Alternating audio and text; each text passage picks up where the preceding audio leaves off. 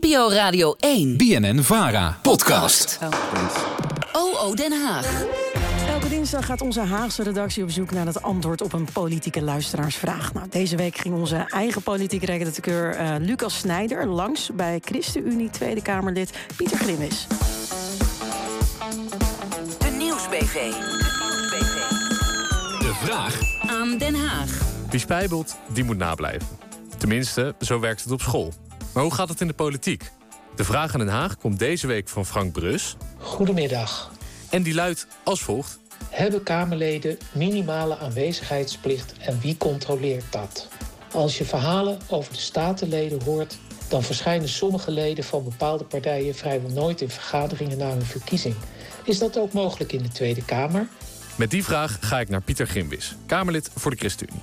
Grinwis stond dit jaar op de eerste plaats van de Nationale Politieke Index. Dat is een ranglijst die meet hoe actief Kamerleden zijn.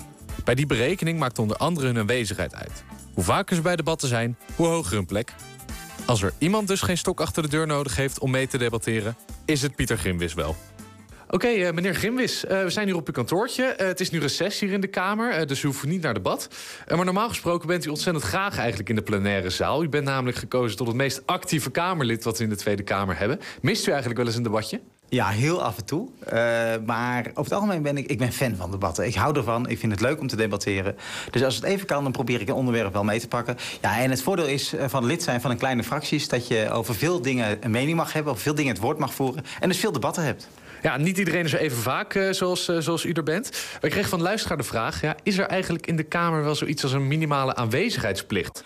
Ja, er zijn geen hele harde regels voor ieder individu... maar er is wel iedere ochtend om kwart over tien is er de regel dat de helft plus één van de Kamerleden... dus dat is 76, Kamerleden aanwezig moeten zijn in het pand. Of in ieder geval ingeklokt, ingecheckt moeten zijn. Er worden dus iedere week, wordt er als het ware in iedere fractie... wordt een, een afspraak gemaakt, jij bent er, jij bent er, jij bent er.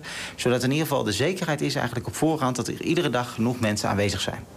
Want het debat kan dus niet beginnen zonder dat er uh, meer dan de helft van, het, uh, van de Kamerleden aanwezig is in het pand. Commissiedebatten kunnen wel alvast van start, want daarvoor hoeft niet de helft plus één aanwezig te zijn. Dus het gaat echt om de grote debatten. Maar dat is de enige aanwezigheidsplicht. Er is niet een soort van aanwezigheidsplicht in de zin van als je er een half jaar niet bent, dan krijg je geen salaris of zo, geen schadeloosstelling. Zo, zo dat soort regels zijn er niet in de Tweede Kamer. Dus we kregen deze vraag van een luisteraar uh, die zich afvroeg, omdat er wel eens statenleden zijn waarvan je hoort, ja, die komen dan na hun verkiezing, zien we ze eigenlijk nooit meer terug in die provinciale staten. Maar dat kan dus ook hier gebeuren in de Tweede Kamer. Er zijn wel voorbeelden uit het verleden van Kamerleden uh, die uh, verkozen waren... en die zich bijvoorbeeld hadden afgespitst. Maar dan hebben we het over echt jaren geleden.